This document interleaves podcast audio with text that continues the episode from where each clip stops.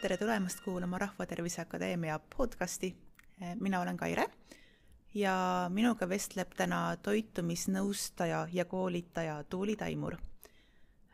tänases osas tuleb jällegi juttu laste toitumisest, aga sel korral peatume põhjalikumalt sellisel teemal nagu selektiivne toitumishäire lisaks räägime ka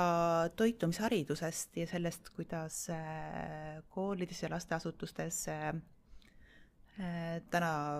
toitumisharidust korraldatakse ja ka seda, et mis on siis Tuuli kogemus erinevate tegevuste läbiviimisel. tere, Tuuli! tere, Kaire! aga alustame sellega, et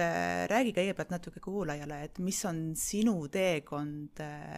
toitumise eriala juurde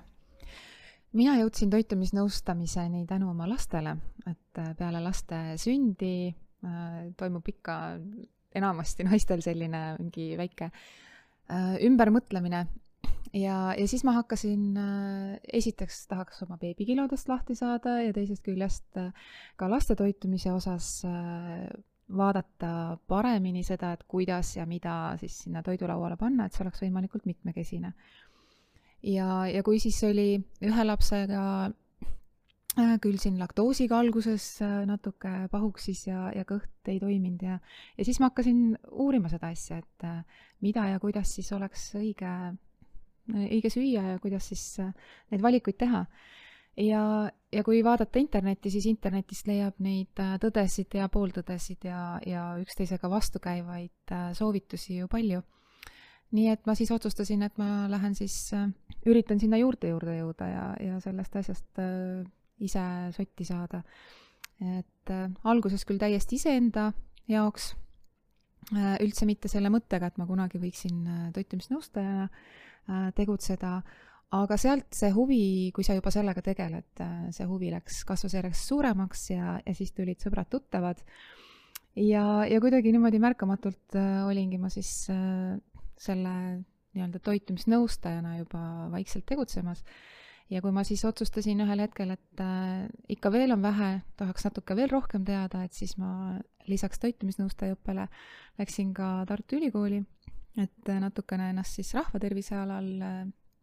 täiendada ja, ja selle kohta rohkem teada saada, nii et, et sealt ka siis äh, magistrantuuri lõpetamine, nii et, et kuidagi hästi loogilise jadana kulges minu tee selle toitumise ja toitumisnõustajani. ja, ja eks tegelikult äh, igapäevaselt oma äh, lastega toimetades läheb mul neid tarkusi igapäevaselt vaja, nii et on, millega tegeleda. et minu selline huvi ja, ja keskendumine laste toitumisele ja, ja sellise selektiivsete laste toitumisele tuleneb tõepoolest minu isiklikust äh, sellisest kogemusest kodus, et äh, kus ma olen ka pidanud neid äh, toidulahinguid ja, ja, ja murdnud pead ja murran siiani pead äh, selle üle, kuidas siis ikkagi veel paremini seda menüüd või seda isegi mitte menüüd, vaid neid toiduvalikuid siis lapsele paremini meeldivamaks teha ja, ja kuidas seda mitmekesistada, nii et äh, jah, see on minu selline südamekutse küll kõige muu kõrvalt, äh, mis ma, mis ma igapäevaselt teen, nii et äh, see puhtalt praktikast äh, on see saanud sellist rakendust nüüd ja huvi edasi uurida seda teemat. et ma olen väga rahul selle, väga õnnelik selle üle, et, et mu töö on niivõrd mitmekesine, et ma saan ühest küljest lastega peresid toetada, äh, neile tuge ja nõu anda, kui on vaja, äh, sest mul on endal see isiklik kogemus ja ma tean, kui oluline ja kui keeruline see võib olla, aga teisest küljest äh, olen ma tõepoolest igapäevaselt nõustan ju ka lihtsalt toitumisnõustajana kliente erinevate teemadega, aga ka koolitan.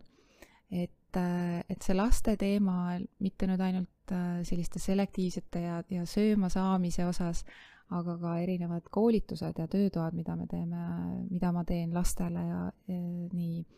äh, on see siis Tartus meil see kokkamisklubi, Tallinnas samamoodi, äh, või on see need koolitused haridusasutustele, nii et, äh, et see lastega tööga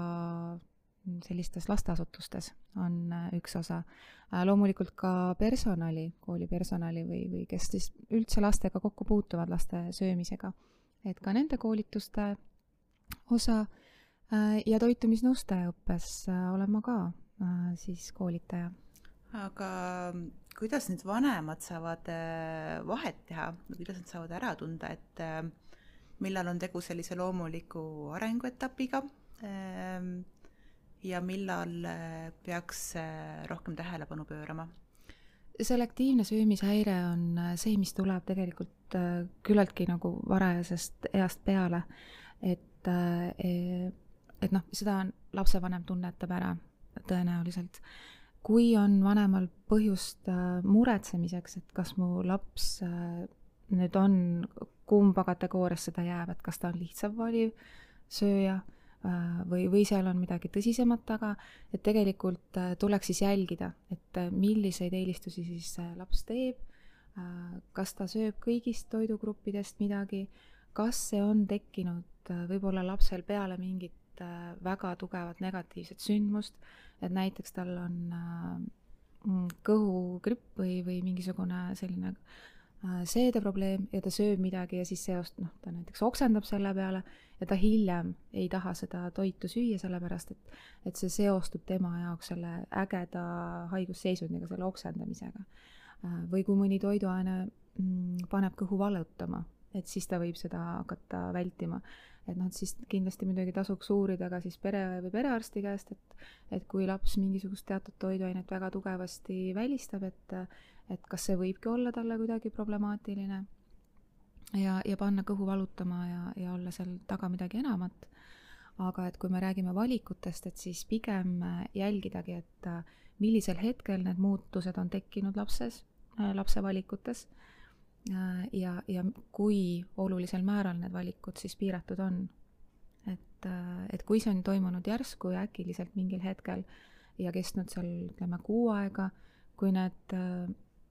sellised toidusõjad või, või tülid selle söögikordade ümber on juba kestnud pikemat aega, siis, siis tasuks ab, abi ja nõu küsida igal juhul. Äh, tihtipeale kuuleb sellist väidet, et ega laps ennast ju nälga ei jäta. et, äh, et kui ta nüüd mingi aeg ei söö, et küll ta lõpuks äh, ikka söög, sööb, et ma olen aru saanud, et see ei pruugi alati tõele vastata, et võib juhtuda ka, et laps jätab ennast nälga. Jaa, äh, see on äh, selline üldistus, mis äh, enamasti küll peab paika selles mõttes, et kui me räägime sellisest valivast sööjast, siis kui see laps on ennast toitnud päeva jooksul kas küpsiste või piimatoodete või millegiga, siis tal põhitoidukorra ajal tõepoolest ei ole kõht täis või ja kõht tühi, et siis äh, nii-öelda süüa koos perega ja, ja sealt tulevad need sellised, äh, see valiv käitumine. aga kui laps äh, tõepoolest ei suuda teatud tekstuuriga toite süüa, kas näiteks tükke või vastupidi, hästi pehmeid selliseid püree-taolisi toite, et siis kas mingid lõhnad või, või maitsed ei sobi Äh, siis ta võib tegelikult väga oluliselt neid valikuid äh, piirata ja tõepoolest jätta ennast äh, selles mõttes nälga. et, et siis noh, ja tavaliselt tegelikult ka selline noh, vanemana me ikkagi ju soovime, et laps sööks ja siis me võime hakata ka täiesti nagu head soovides, aga teadmatuses siis neid valikuid ka ise kitsendama. et nagunii see selliste selektiivsete sööjate puhul uute asjade menüüsse toomine on väga keeruline ja et siis laps midagigi sööks, et siis me pakume siis seda, mis on nii-öelda turvaline toit. aga noh, see paratamatult mõjutab äh, kogu pere toidulauda mm. -hmm. Üks teine selline lugu, mida ma olen kuulnud äh,, mis on siis valiva söömise, valiva või selektiivse söömise taga on ka, et äh, et kui on juhtunud võib-olla mingi dramaatiline sündmus, et äh, üks, üks lugu, mida ma olen kuulnud, et äh, väike laps kaotas oma isa, et äh, peale seda ta lõpetas noh, suuresti söömise ära. ja seda seostatakse siis sellega, et et väiksel lapsel on väga vähe võimalusi ennast ümbritsevat kontrollida. et söömise piiramine või kontrollimine on siis üks neid väheseid hoobasid, millega laps kontrollitunnetust saab. et kuidas sina kui ekspert seda lugu kommenteerid? kindlasti on, on sellel oma nii-öelda see niimoodi ongi, et äh, kui lapsed äh, noh, no nagu sa ütlesid, neil on väga vähe võimalust kontrollida selle, seda, mis nende, nendega toimub, mis nendega on, äh, et siis toit on üks see ja, ja seal lapsed tõepoolest püüavad ennast siis kehtestada. ja, ja kui te mõtlete nüüd noh, kes on vähegi lapsevanemana oma lapsega vaielnud mingisuguste toidukordade üle, kas ja miks midagi peaks sööma või, või kas see toit, mis nüüd täna ema või isa tegi, äh, sobib või ei sobi süüa ja võib-olla laps eelistaks hoopis midagi muud, et siis tegelikult see ongi see koht, kus laps üritab siis ennast kehtestada. et, äh,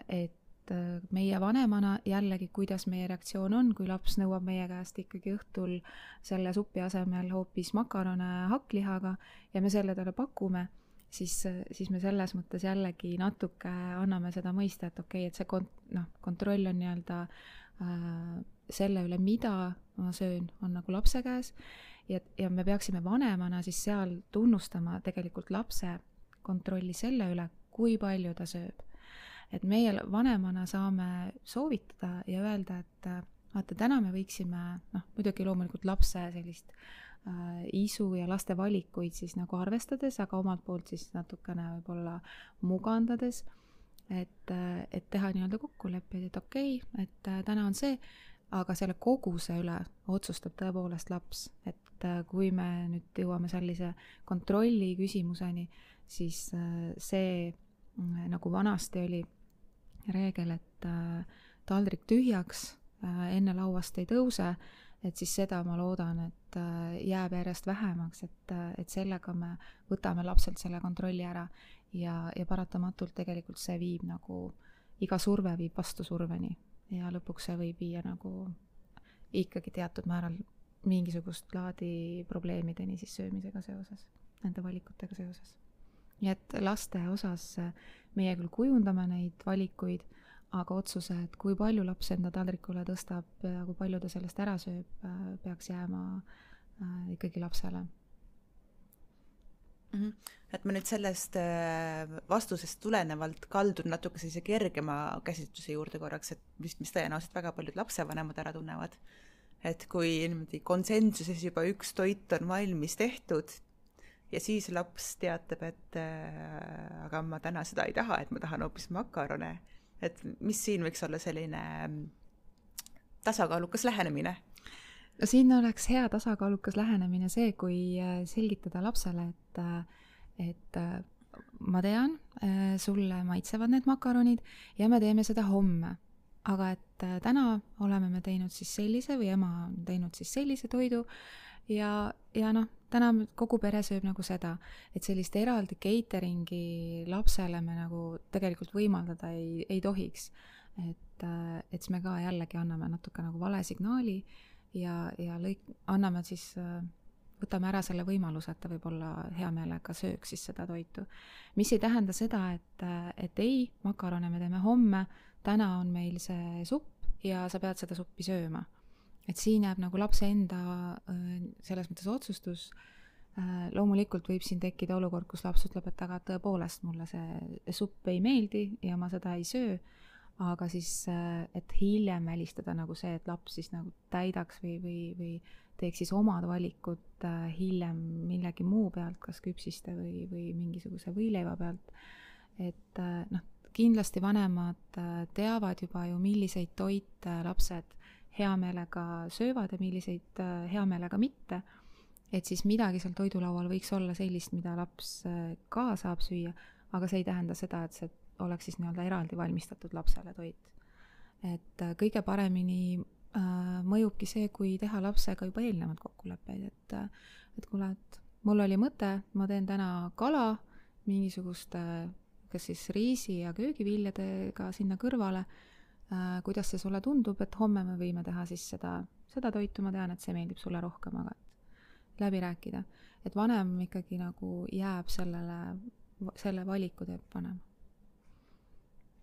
just, et ega me talvel ei luba oma last ka suveriietes õue, eks just, mis siis, et ma tahan minna. et äh, see tundub selline väga mõistusepärane, aga toiduga on need äh, järeleandmised tihti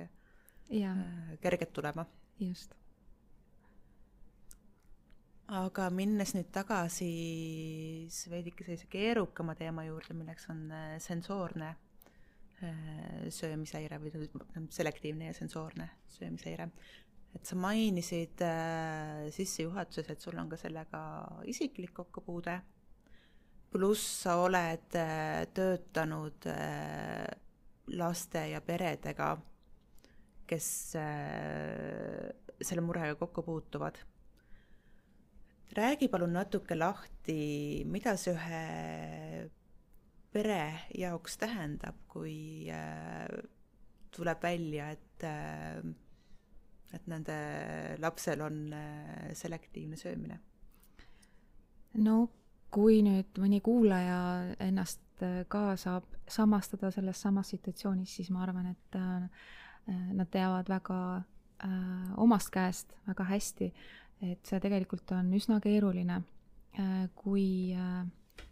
justkui peaks hakkama tegema toitu täiesti teistmoodi äh, ja need toidud, mida võib-olla ise tahaks teha, ei ole lapsele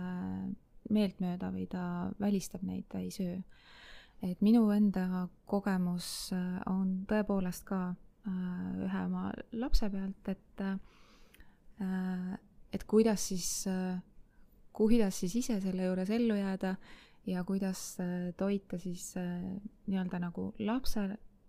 võimaldada lapsele äh, piisavalt siis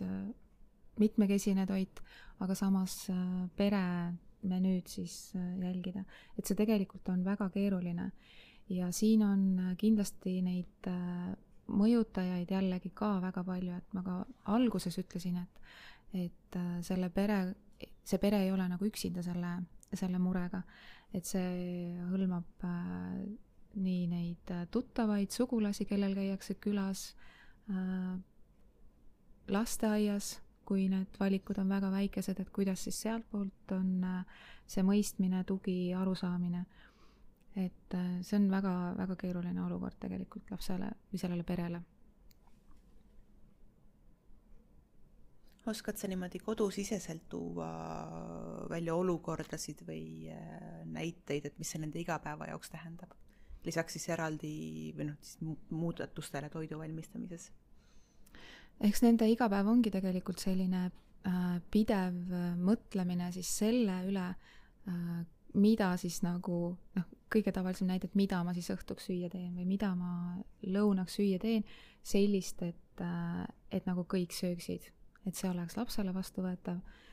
Äh, seal ongi hästi palju seda, seda mõtlemise ja nuputamise kohta, et äh, kuidas äh, teha siis nii-öelda nagu üks toidukord nii, et kõigile sobiks. et see on selline üks, üks nüanss. teine asi on kindlasti, et kui nüüd minna kuhugile välja sööma, milliseid valikuid ma siis saan teha või kui ma lähen kusagile tuttavatele külla kusagile sünnipäevale, et kas seal on seda toitu, mida siis mu laps sööb. et äh, noh, raskematel juhtudel võibki see viia ju selleni, et laps ei taha enam neid sotsiaalseid äh, selliseid kontakte äh,, sellepärast et see on tema jaoks keeruline, ta tunneb, et ta nüüd eristub kuidagi äh,, ta ei, ta ei taha sellega silma paista ja kui sellele tähelepanu pööratakse, siis äh, on ka keeruline et, et selles mõttes äh, planeerimine ja, ja see la-, laveerimisoskus seal nende valikute vahel ja kindlasti see on väga stressirohke. et lapsevanemana sa ju tahad anda parimat äh, ja, ja kui siis äh, mingil hetkel tekib selline tunne, kus ma ei oska, kas seal taga võivad olla mingid erinevad, kas süütunde, et ma ei saa piisavalt hästi hakkama või, või abituse tunne või mingid muud sellised äh, äh tunded, emotsioonid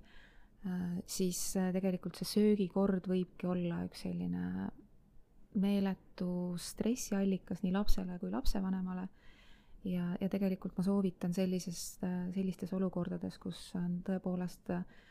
toidukorrad sellised väga pingelised, stressirohked, käib selline sõda selle üle, et kas ja kui palju süüa, et, et siis ma soovitan küsida, küsida abi, et seal on äh, erinevaid äh, selliseid nüansse, erinevaid äh, tegureid, millega vähehaaval edasi saab hakata liikuma sellest äh, probleemsituatsioonist nagu eemale. siis erinevad nagu taktikad? just, erinevad taktikad, erinevad tehnikad, et mm -hmm. kuidas nendele olukordadele läheneda. Kui äh, peres kasvab veel lapsi, lisaks äh,, lisaks siis äh, selektiivsele sööjale, mida nende jaoks kogu see olukord tähendab? no siin võib olla jällegi mit-, mitu erinevat sellist äh, mõju et ühest küljest, kui äh, muutub äh, pere toidulaud, äh, siis muutuvad ju ka õdede-vendade nii-öelda söögid. Et võib minna see valik kitsamaks, kui ta võiks olla. teisest küljest võib see tulla natukene ka selline mm, noh, nagu ma nimetasin, et kui laps läheb lasteaeda ja ütleb, et mu sõber ei söö mingit asja ja tuleb koju, teatab, et ta oma lemmiktoitu näiteks ei söö enam ühel päeval, et tundub vanemale mõistmatu. Et äh, tegelikult võib see mõjutada ka peresiseselt selliseid äh, natuke mustrit, et kui, kui vanem õde või vend ees äh, ütleb, et ma seda ei taha ja ma toda ei taha,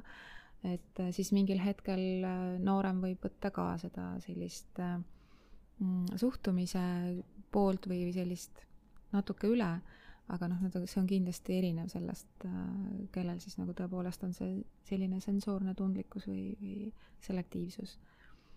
Et äh, aga jah, kindlasti see valikute pool võib olla siis erinev. et seal äh, on väga keeruline ka lapsevanemal, et noh, mitte, mitte siis tuua esile seda, et näed, et sul õde või vend sööb nii kenasti, et noh, et miks sina ei võiks siis nagu äh, Äh, kuidagi paremini ja noh, püüa ikka ja, ja, ja sellist, äh, sellist natuke sildistamist ja, ja kommenteerimist, et see on, on võib-olla selline, mis tuleb võib-olla kuidagi nii, et isegi tähele ei pane. et need on võib-olla sellised äh, üks, ühed näited sellisest perest mm. -hmm. mul tekib siit kohe küsimus, et kuidas äh, kuidas siis seda nooremat õde või venda jällegi omalt poolt veenda, kui nad võtavad üle sellise, äh, sellise mustri, et äh, ma ka seda ei söö. Et äh, noh, neile ju ei saa öelda niimoodi, et kuule, aga sina ju ei ole selektiivne sööja, et hakka pihta, mhm, et mm -hmm. et on sul siin nõuannet, et mis taktika võiks seal aidata peresid? ma arvan, et kui on päris väikesed lapsed, et siis ikkagi sellist äh Mm, noh, kui minnakse tähelepanu mängimise peale, et see natuke võib olla selline, et ma siis tõmban ka endale tähelepanu, et kui, kui vanem äh, eespool, kellel näiteks on, noh, oletame, et vanemal lapsel on selektiivne äh, toitumine äh,, et siis noorem tahab ka justkui tähelepanu, et siis sellele mitte eraldi tähelepanu pöörata. et ahaa, et noh, et sina ka ja nüüd ma hakkan sinuga ka siis neid toidusõdasid pidama, nagu ma võib-olla selle teise lapsega teen. Teisest küljest, kui laps on juba selline lasteaia, last, lasteaia ja kooliealine ja annab näiteks rääkida, et ahaa, sa ei söö seda. nii, aga et sa näiteks varem sõid, et mis juhtus, et, et noh, niimoodi lihtsalt äh, äh võtta natuke nagu partnerit selles osas, et okei okay,, et väga huvitav et mis see nüüd siis on. ja niimoodi mitte, mitte nüüd see, et me võtame, istume laua taha ja nüüd me hakkame rääkima, et kuule, mis probleem nüüd on, vaid äh, lihtsalt tundes huvi, rääkides äh, ja, ja ikkagi edasi pakkuda seda toitu, millest ta siis nüüd arvab, et ta võib-olla moe pärast ei taha. et noh, seal ka selgitada, et, et mis see põhjus siis on et võib-olla õnnestub äh, see niimoodi ka jutu käigus äh, äh, välja selgitada, aga ma soovitan, mida mina olen nende aastate jooksul oma kogemusest õppinud, et, et kui jääda nagu sellesse, sellesse probleemi kinni, ehk et vaadatagi kui igat toidukorda, et hakkab peale, ma tean, ma juba tean, mis sealt tulemas on, kui see lapsed sinna laua taha tulevad. Et siis tasub lihtsalt hästi sügavalt sisse välja hingata ja kui laps tuleb laua taha ja ütleb, et äh, ma ei tea, ma ei taha ja songib, et siis, et jaa, et äh, ma tean, et äh, noh, aktsepteerida seda tunnet, mis lapsel on äh,, aga mitte sinna ise kinni jäädes, et äh,, et viia siis see teema kuskile mujale, tähelepanu, fookus sellelt probleemilt nii-öelda ära, et viia, et okei okay,, et räägime hoopis sellest, et kuule, et kuidas sul täna koolis või lasteaias läks või kuule, et sa tegid enne midagi huvitavat seal, et räägi sellest. et siis see, see fookus läheb sellelt söömiselt ära. või sellelt nii-öelda murekohalt. Enne meil oli äh, jutuks ka külas käimine ja väljapool kodu söömine. et äh, minu tunnetus on, et äh, et kui me ei ole kokku puutunud sellise probleemiga, siis võib olla päris raske mõista ja kerge anda hinnanguid, et ei ole ma ka ise süüst puhas. Kuid kuidas sa siin jällegi nii omast kogemusest kui eksperdina seda teemat kommenteeriksid? hinnanguid Äh, tuleb tegelikult väga kergesti väljastpoolt, tõepoolest. et äh, siin tuleb äh, lihtsalt äh, siis rääkida, kui on võimalik vähegi noh, ütleme, kas on siis vanavanematega tegemist äh,, lähisugulastega või sõprade-tuttavatega, et siis selgitada seda, et äh, mitte lapse kuuldes äh,, vaid eelnevalt, et äh, ma eelistaksin, kui, kui kõik need teemad, mis on seotud Äh, toiduvalikutega või, või kuidagi selle söömisega, et äh, me nendest ei räägi. et see meie perel on, on natuke teistmoodi,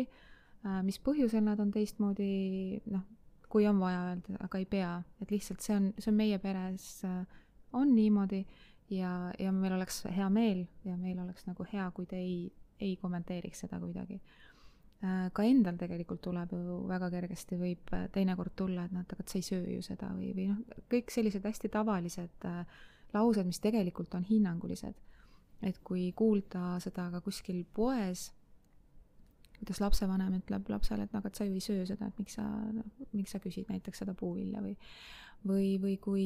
keegi kommenteerib, et mis sul laps ei söö neid asju või teisi asju, et, et siis tegelikult, kui teha seda lapse kuuldes siis see noh, paneb tundma last tegelikult halvasti või ta saab selle sõnumi, et, et ma ei ole nagu okei okay, või, või see on nagu probleem. et selles mõttes ma soovitan alati rääkida ja selgitada. Ja kui on äh, mingil põhjusel, kas laps ei söö ühte või teist äh, toidugruppi või, või, või mingit toiduainet, et siis ka lasteaias ja koolis oleks hästi hea, kui see personaliga läbi rääkida ja, ja anda siis nii-öelda see omapoolne soovitus. Et äh, sest siis nad oskavad arvestada, et teinekord ei olegi asi selles, et, et äh, ei, ei taha keegi arvestada sinu lapse mingi teistmoodi valikutega, vaid äh, sellest nii-öelda eelnevalt teada anda ja põhjendada või selgitada, et äh, meil on selline asi ja ma palu- ja mul oleks hea meel äh, ja see oleks väga terve, kui te sellistes olukordades käituksite nii või teisiti. Et siin on kindlasti nende inimeste ka suhtlemine ja, ja nende inimeste pädevus, kes siis lastega tegelevad ja kokku puutuvad mm. -hmm. et suuresti jookseb läbi selline teadlikkuse tõstmise küsimus. jaa, absoluutselt. oleme sujuvalt jõudnud, jõudnudki sellised laste, lasteasutuste personali juurde et kuidas, kas olgu siis lasteaias või koolis, kuidas, kuidas seal töötajad saavad kõige paremini toetada selektiivselt söövat last? Sellist ühte head retsepti, et ma nüüd ütlen ühe lausega, et tehke nii ja siis ongi kõik väga hästi, seda ei ole, et pigem, nagu sa ütlesid, see teadlikkus kuidas mm, selle lapsega tegeleda, ehk et äh, see ei ole lapse enda nii-öelda vaba valik, et ma ei söö, noh, kui me räägime päris tõesti sellisest selektiivsest äh, söömishäirest, et seal äh, nende lähenemiste, need lähenemised on erinevad, küll aga mis võib-olla oleks kõige läbivam, on see, et mõnes mõttes nagu aktsepteerida seda, et see laps on lihtsalt teistmoodi ja, ja olla selle juures siis nagu rahulik ja toetav. et äh, kui me räägime lasteaedades või koolides, et siis kindlasti see, et, äh, et kas see laps saab iseendale näiteks toitu tõsta, kas need toidud puutuvad omavahel kokku või mitte, kas, äh, kas see laps peab ilmtingimata selle taldriku tühjaks sööma. et kui ongi näiteks noh, näide ko-, sellisest kooli söögivahetunnist, kus laps äh, võib-olla tahaks proovida erinevaid äh, toite, mida seal siis on, pakutakse, aga ta peab selle ilmtingimata ära sööma, mis ta on endale kõik tõstnud. noh, et laps nagunii tegelikult, kui ta on selline valivsööja või, või ettevaatlikult nendesse uutesse toitudesse suhtub, ega ta ei tõstagi endale ju üldjuhul sellist suurt taldrikutäit. aga et kui see vähene, mis ta siis tõstab ja ta peab selle ilmtingimata ära sööma, siis ta ei, Eh, noh, ta ju ei saa olla kindel, kas talle see maitseb, võib-olla talle ei meeldi see tekstuur või see lõhn või mingi muu väike nüanss, mis tema puhul on iseloomulik ja ta ei tee seda ja ta saab pärast siis äh, pahandada sellepärast, et ta selle toidu sealt prügikorvi või prügikasti valas. et äh, selline asi kindlasti pärsib äh, lapse siis valmisolekut ka proovida koolis süüa. et need on sellised nüansid, ka mida nagu tasuks teada ja mille pärast tasuks või noh, oleks hea, kui see teadlikkus oleks kõrgem ka sellistes haridusasutustes, kes, äh, kes võib-olla igapäevaselt ei töötagi äh, lastega,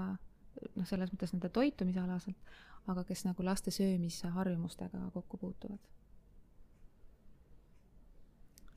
me oleme nüüd rääkinud lastest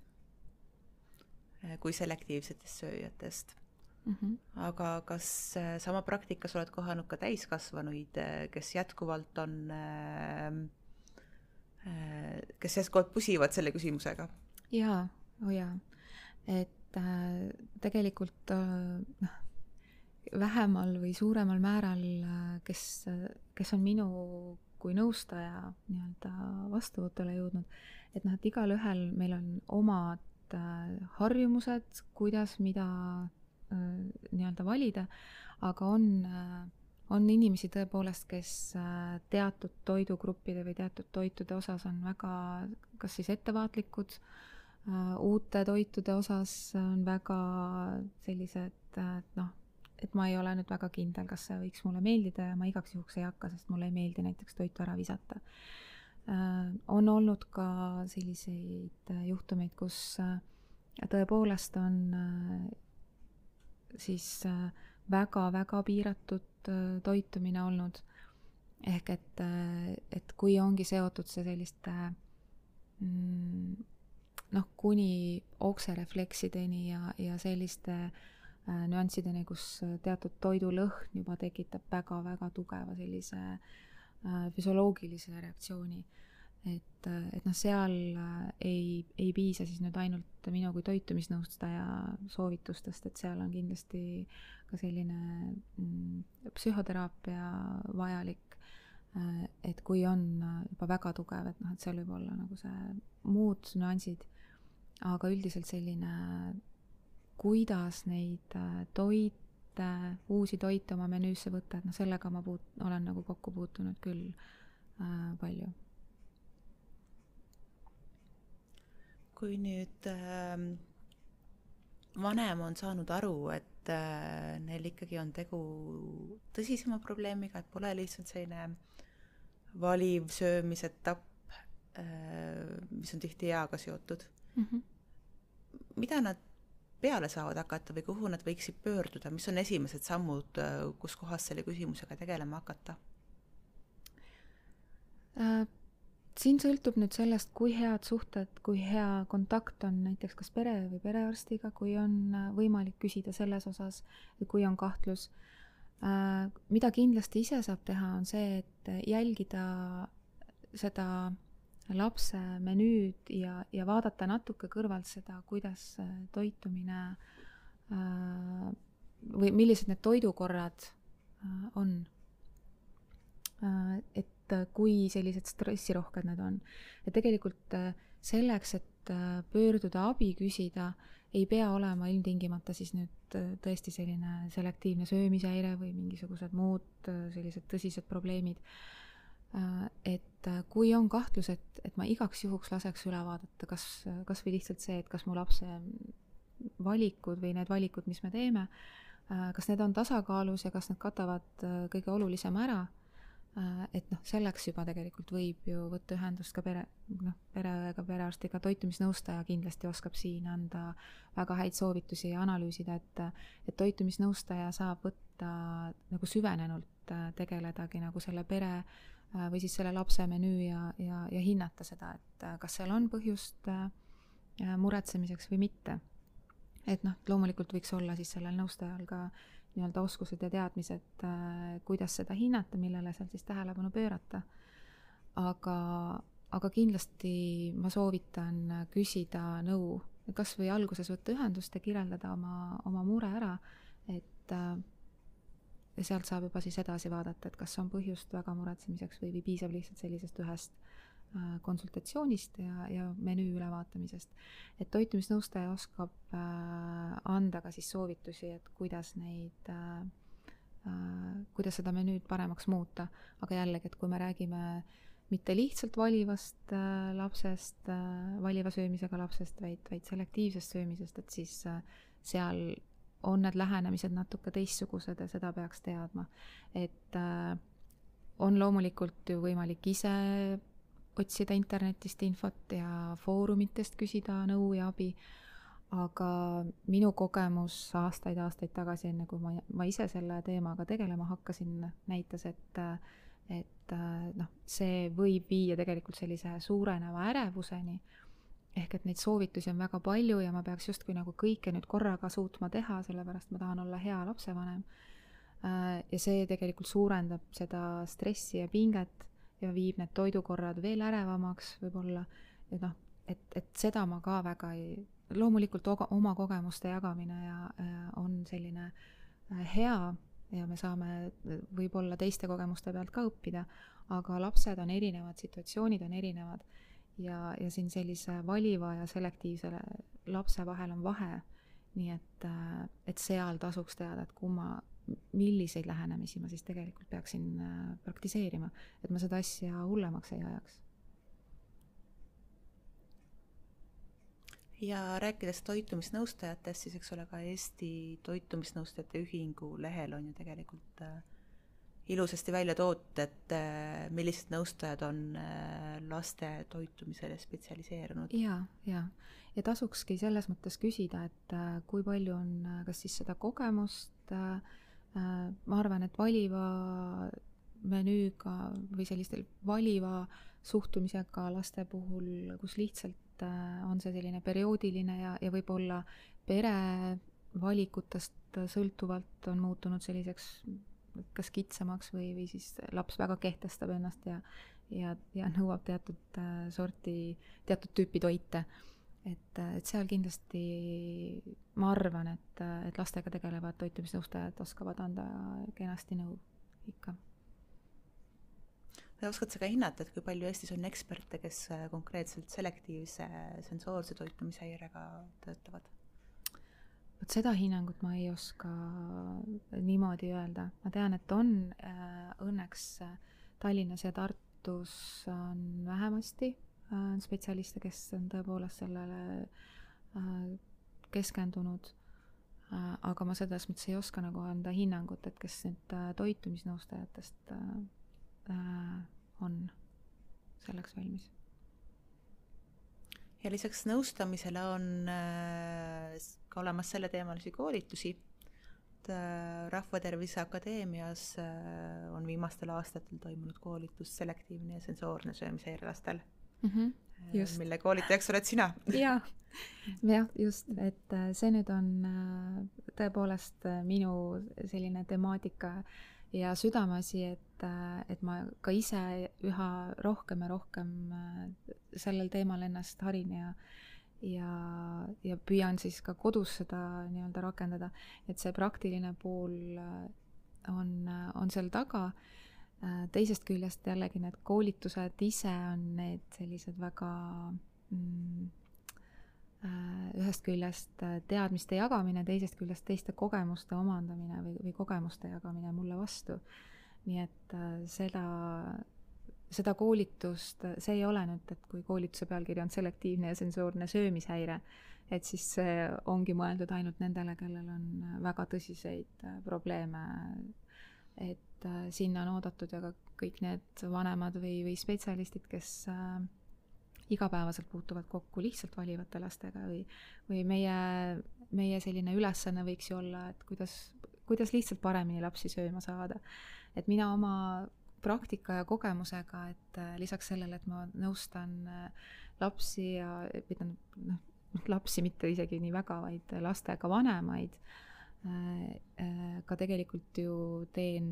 koostööd haridusasutustega et erinevate koolituste ja töötubade osas. ja, ja ma näen, kuidas selline praktiline lähenemine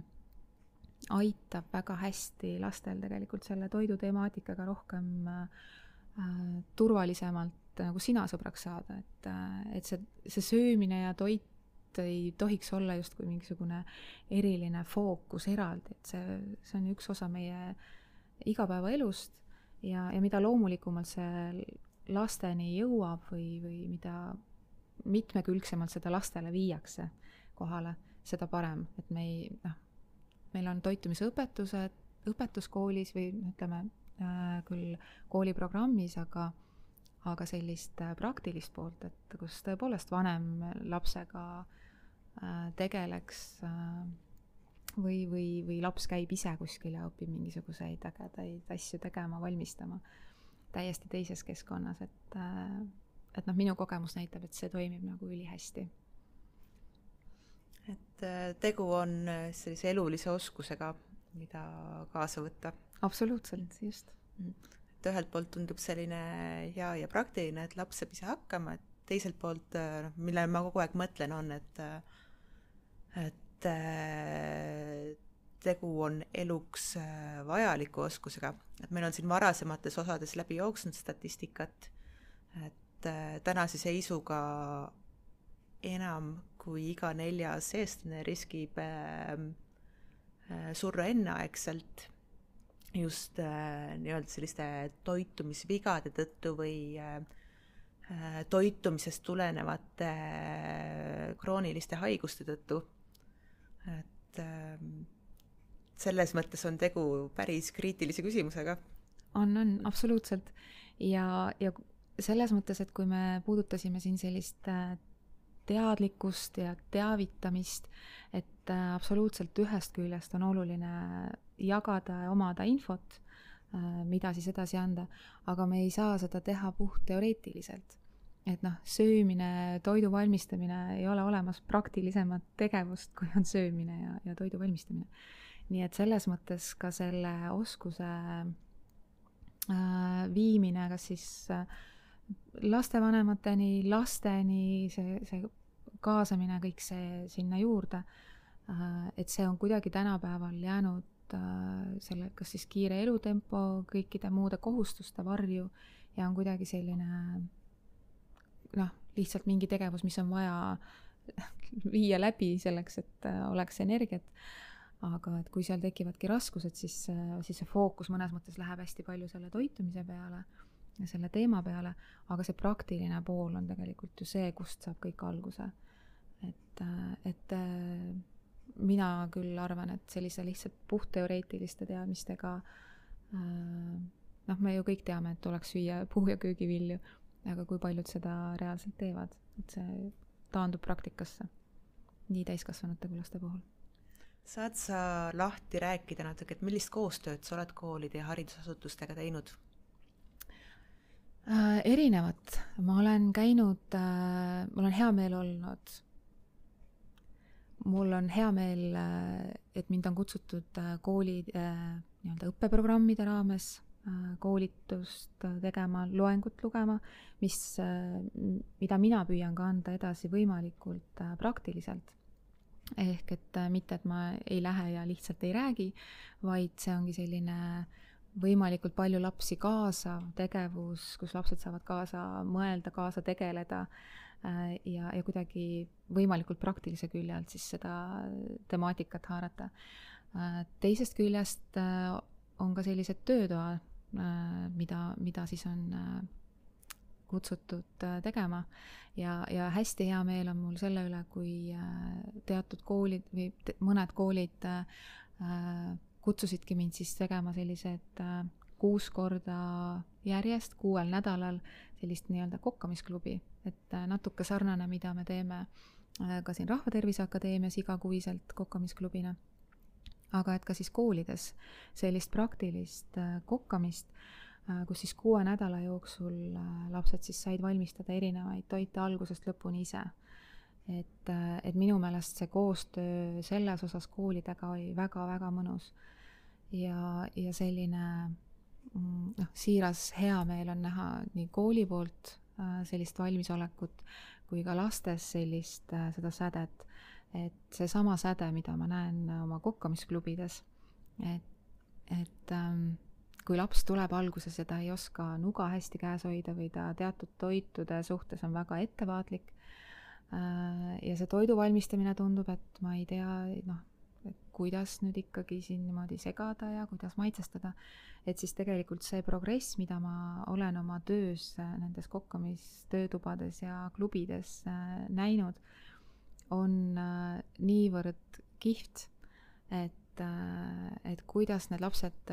järjest rohkem avanevad selle, selle toidu osas ja, ja, ja on ju juhuseid tulnud, kus mäletan, üks noormees Äh, istuski kaks esimest äh, korda niimoodi põrnitses altkulmu põhimõtteliselt, et et ei, et noh, see on tüdrukute värk. ja, ja ega ta ei maitsenud ka esimestel kordadel ühtegi toitu. Aga, aga kolmandast korrast ta lõi juba kaasa ja neljas, viies ja kuues kord äh, me jõudsime juba tegelikult ka maitsmiseni ja söömiseni, nii et, et selles mõttes äh, Äh, ma tunnen seda, seda tehes, kuidas mul lähevad äh, silmad särama ja see on nagu, see on nii äge, nende last, neid lapsi niimoodi inspireerida ja, ja kaasata. et, äh, et ma väga loodan, et seda oleks veel rohkem, et nii tundides on võimalik ju teha neid loenguid hästi praktiliselt, hästi lahedalt, kaasakiskuvalt, on võimalik teha selliseid lühikesi kokkamisi, toidu valmistamisi selle ühe neljakümne viie minuti jooksul. Et, äh, et läbi sellise praktilise külje, kui laps, äh, kuidas ma nüüd ütlengi, laps õpib läbi selle, et ta tegelikult ei tea, et talle õpetatakse. ehk ta teeb lihtsalt seda asja kaasa ja tal on äh, fun, et talle jääb tegelikult väga hästi see külge mhm. ma mõtlen, et siin praktiline pool ei peaks olema tingimata ka kokkamine, et äh, igasugused toidukatsed või mm -hmm. viktoriinid või mängulised lähenemised, kindlasti kõik need on sinu praktikas läbi jooksnud? jaa, see on see, mida ma teen oma sellistes äh, äh, noh, ma ei tahakski neid võib-olla väga loenguteks nimetada, et nad on pigem sellised äh, koostegevused või selline interaktiivne õpe, moodne mm. sõna.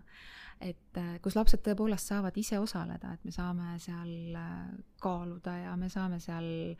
teha viktoriine ja järjestada ja, ja selliseid äh, ägedaid katseid teha. et äh, see, see külg on küll, mida, mida mina omas töö, oma töös, oma töötubades, loengutes püüan äh, hästi edasi anda. ja kui nüüd jälle rääkida koolide õppekavast, et äh, ma saan aru, et toitumisõpet täna käsitletakse loodusõpetusainetes, bioloogias ja, inim-. ja inimõpetuses mm -hmm. ja siis veel kodundustunnis. just Äh, mul on nüüd koolist kõvasti aega möödas ja enda lapsed veel koolis ei käi, et kodundustund, kas see on tänapäeval nii poistele kui tüdrukutele või on see ainult tüdrukutele? Ma ei ole ka ise selles mõttes, minu lapsed ei ole ka veel kodunduse tundi jõudnud. Äh, ma tahaks väga loota, et seal on nii poisid kui tüdrukud, et, et seal vast enam ei tehta seda vahet, kuigi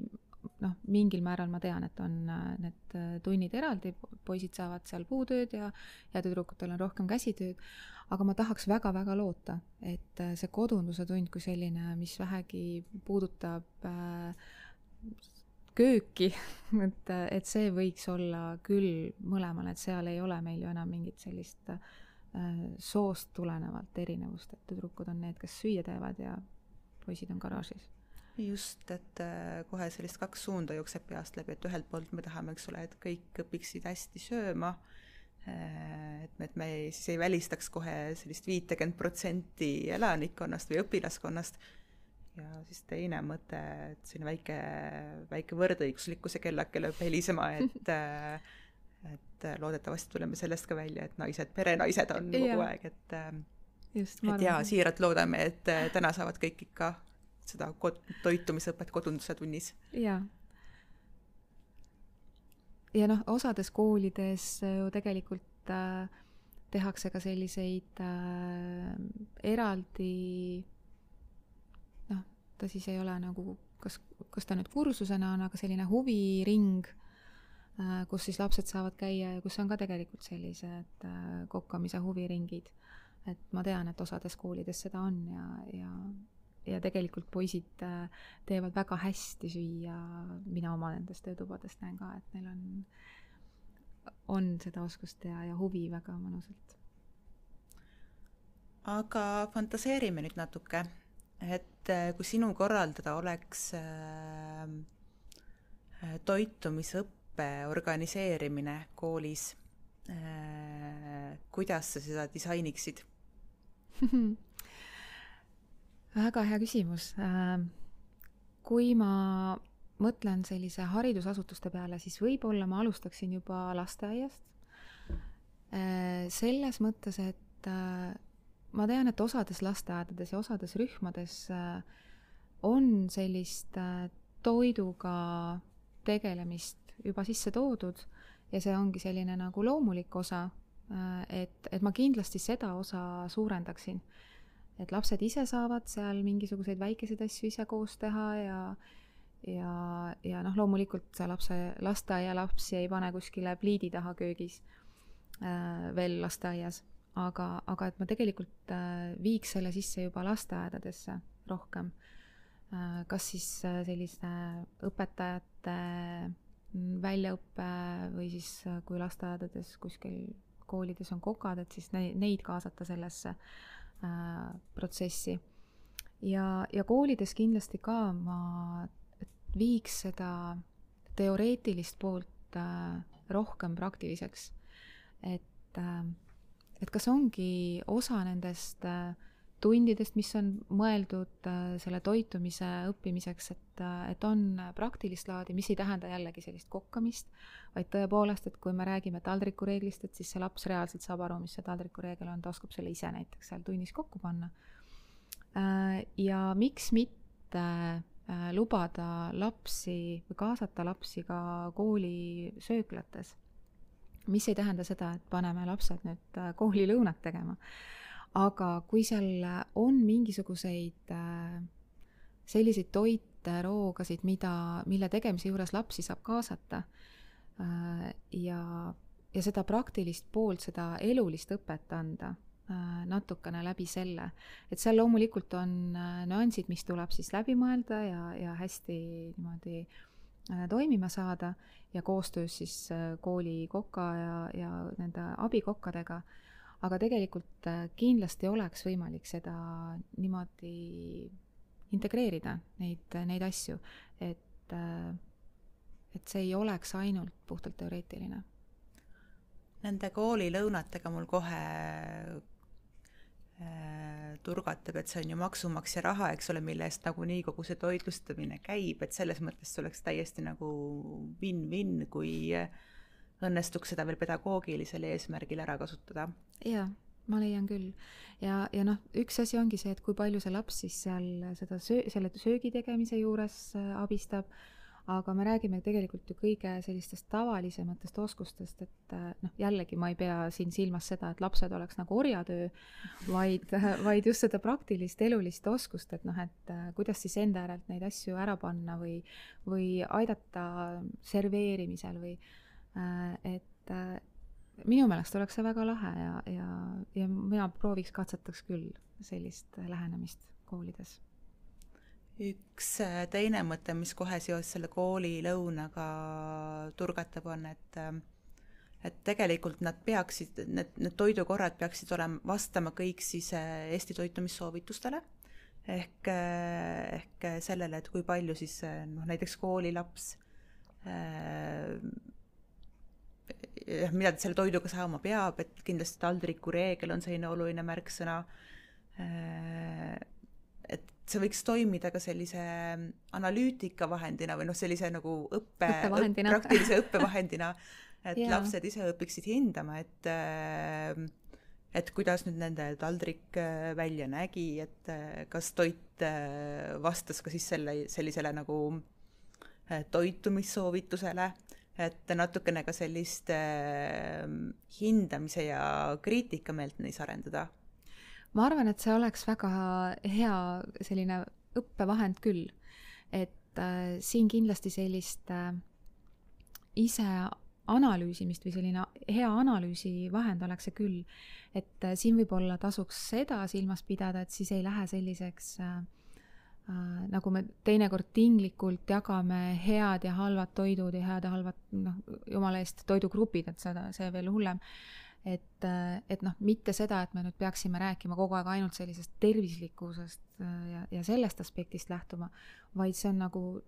selline, see peaks olema täiesti tavaline ja normaalne, äh, et, et me lihtsalt äh, et ongi, kui lapsed oleks sinna kööki kaasatud või need sellesse protsessi, et noh, tõepoolest, et näed, et mis meil siin täna oli või, või selline väike mõnus analüüsi küsimus seal lõpus, et või, või selline analüüsivahendina oleks, ma arvan, et päris lahe et seal lihtsalt äh, jällegi, et kui me rääkisime hinnangute andmisest ka siis tegelikult selle toitumise juures ju äh, toitumisnõustajana ma ei anna hinnangut kellegi toitumisele kui, kui hinnangut, vaid äh, see on minu töövahend tema menüüd analüüsida, et samamoodi lastele õpetada, et mitte see, et üks on hea ja teine on halb. just, et see on väga hea tähelepanek, et mitte siis sellist tervislikkust või siis vastupidist rõhutada, aga noh, mida kindlasti saab teha, on näiteks, et kui mitu erinevat toidugruppi oli kaasatud Just. või kui palju toidugruppide sees oli varieeritust, natukene sellist, mitut värvi toitu söödi Just, nädala jooksul, päeva jooksul, et sellist äh, äh, sellist mitmekesisuse hindamist, et äh, seda annaks ilusasti teha. seda annaks väga hästi mm. teha. et, äh, et ka oma koolituste puhul äh, ma püüan mitte teha seda, et, et nüüd ongi, ühed asjad on halvad, teised on head et, äh, et noh, tegelikult ka sellisele tervislikkusele keskendumine, see ei ole ju toitumise eesmärk, et noh, loomulikult me peaksime toituma võimalikult tervislikult, aga see peaks olema nagu normaalne ja, ja, ja tasakaalus lihtsalt, et täisväärtuslik oleks õigem sõna. just, et äh, süüa võib kõike, et ja, küsimus on, et mis tasakaalud ja kogused on. just ja kui nüüd rääkida natukene veel sellest, et kuidas kooli või see toit, toitumisharidus võiks olla organiseeritud, mul on jäänud nagu natuke selline killustatuse tunne, et osades koolides äh, korraldatakse palju, ongi see kokkamisklubid, kaasatakse eksperte, samas igasse kooli see ei jõua, et äh, noh, et selline kas on, kuidas sulle tundub, et kui rääkida just sellisest äh, ühtsest organiseerimisest, vastupidi, killustatusest, et kus kohas me täna asume? Äh, ma nüüd ei teagi, kas ma olen kõige õigem inimene, kes ütleks äh, niimoodi hästi üldistatult, annaks hinnangut sellele, et kus me selles killustatuse või, või terviklahenduse osas oleme küll aga mulle tundub, et äh, siin annaks äh, veel väga palju paremaks äh, muuta seda, seda pilti. et tõepoolest äh,, kuna mm, see on üks selline lisavõimalus praegu ju hariduses äh, selliste, kas siis lastevanemate mm, investeerimisel selliseid äh, ringe teha osalustasudena või siis on kooli poolt pakutud mingisuguseid lastele tasuta ringe, mis siis jällegi maksab ju kinni omavalitsus et äh, see on küllaltki erinev ja, ja see sõltubki siis sellisest äh, äh, kas siis kooli aktiivsusest või, või vanemate aktiivsusest, et sõltub, kes siis seda, seda rege veab. aga ma arvan, et, et ei tekiks väga suuri selliseid lahknevusi või, või, või vahesid, et võib-olla siis need koolid, kellel ei ole neid võimalusi, et teha või pakkuda oma koolilastele sellist äh, Äh, praktilist ringi, äh, nagu me oleme rääkinud, eluliselt olulist äh, oskust õpetada. ja, ja sealsamases on ju koole, kes seda saavad teha ja pakkuda seda nii-öelda nagu lastevanematele tasuta. Et, et seda vahet annaks vähendada sellega, kui, kui see oleks organiseeritud või kuidagi kas siis omavalitsuse tasandil näiteks seda korraldada äh, Äh, et loomulikult on ju võimalik ka erinevaid projekte kirjutada ja kes on äh, usinamad ja, ja paremad kirjutajad, need saavad ka projektirahasid. aga ma arvan, et, äh, et sellele valdkonnale tuleks kasuks see, kui, kui see oleks äh, laiemalt äh, korraldatud või, või, või kuidagi seda kas siis õppekavadesse viidud ühtemoodi, seda praktilist poolt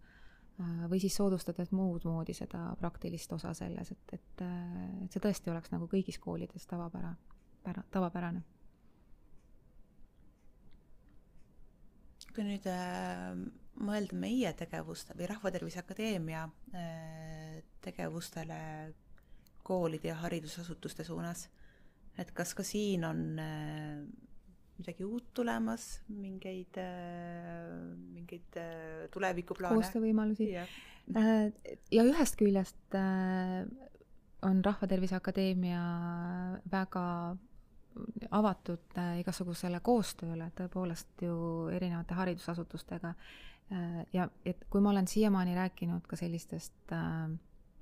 lasteasutustest või, või haridusasutustest, siis tegelikult ei, äh, ei saa ju tähelepanuta jätta ka selliseid äh, lastel, mis on siis mitte nagu päevakeskused, aga noortekeskused.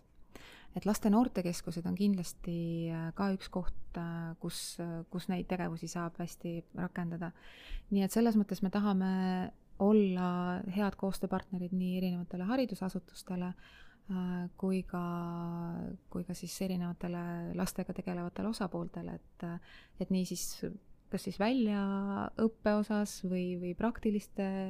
selliste töötubade ja praktiliste koolituste osas. aga tegelikult Rahvatervise Akadeemias me oleme täiustamas ka lastele pakutavaid teenuseid huvikooli äh, näol. et äh, me loodame, et, et õige, õige pea äh, Äh, saame me viia seda, seda mitmekülgsust äh, veel rohkem äh, lasteni ja, ja, ja mitmekülgsemalt, et erinevate tegevustega. nii et tasub meie tegevustel silma peal hoida. no väga põnev. aga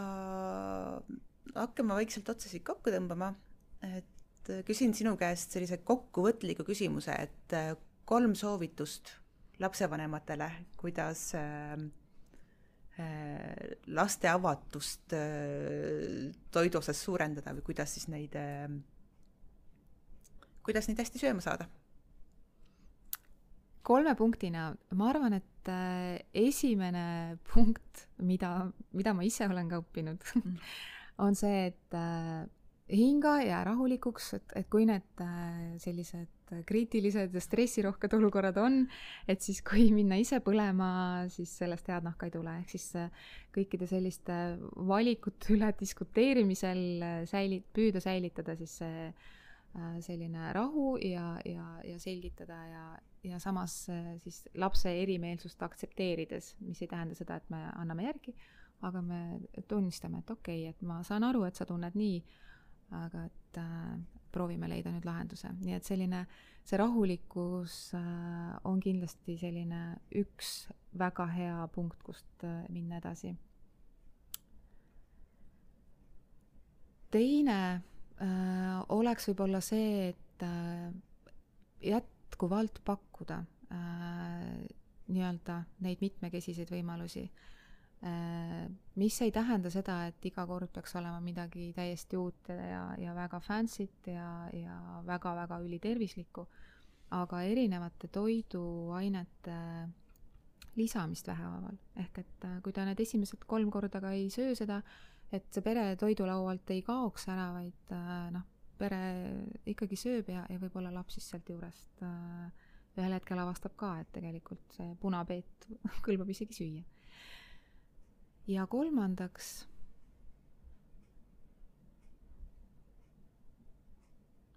ma arvan, kolmandaks see, et äh, kui ollakse mm, kui, kui on see tunne, et sa oled murega üksi, et äh, justkui ei saa päris hästi hakkama, äh, siis võib alati küsida nõu tasuks alati küsida nõu ja küsida siis nõu spetsialistilt, äh, kui on mõni hea lapsevanem, kellega sa tõepoolest on nagu see side ja kontakt ja kelle oma kogemust on võimalik äh, kuidagi üle kanda enda perele, äh, võib ka seda võtta, aga, aga just, et seda ärevust aitaks vähendada see, et kui kui ma lähen ja küsin nõu, et see on täiesti okei okay., et ei pea olema alati nõu küsimiseks ju midagi väga hullusti ja väga valesti. Äh, et äh, tegelikult on selliseid äh, nippe ja viise ja võimalusi, need ei ole kerged, aga, aga on, et noh, sealt lihtsalt ongi seda teadlikkust natukene võib-olla vaja lihtsalt mõne koha pealt aidata omandada. nii et ma arvan küll, et nõu võib alati küsida, tasuks alati küsida, kui tundub, et, et kuidagi mure on suur või ka natuke väiksem. Okei aga aitäh, Tuuli, tulemast ja vestlemast. Ja siis äh, lõppu natukene ka reklaami. Äh, kõik, kes otsivad inspiratsiooni laste toitumise teemal ning äh,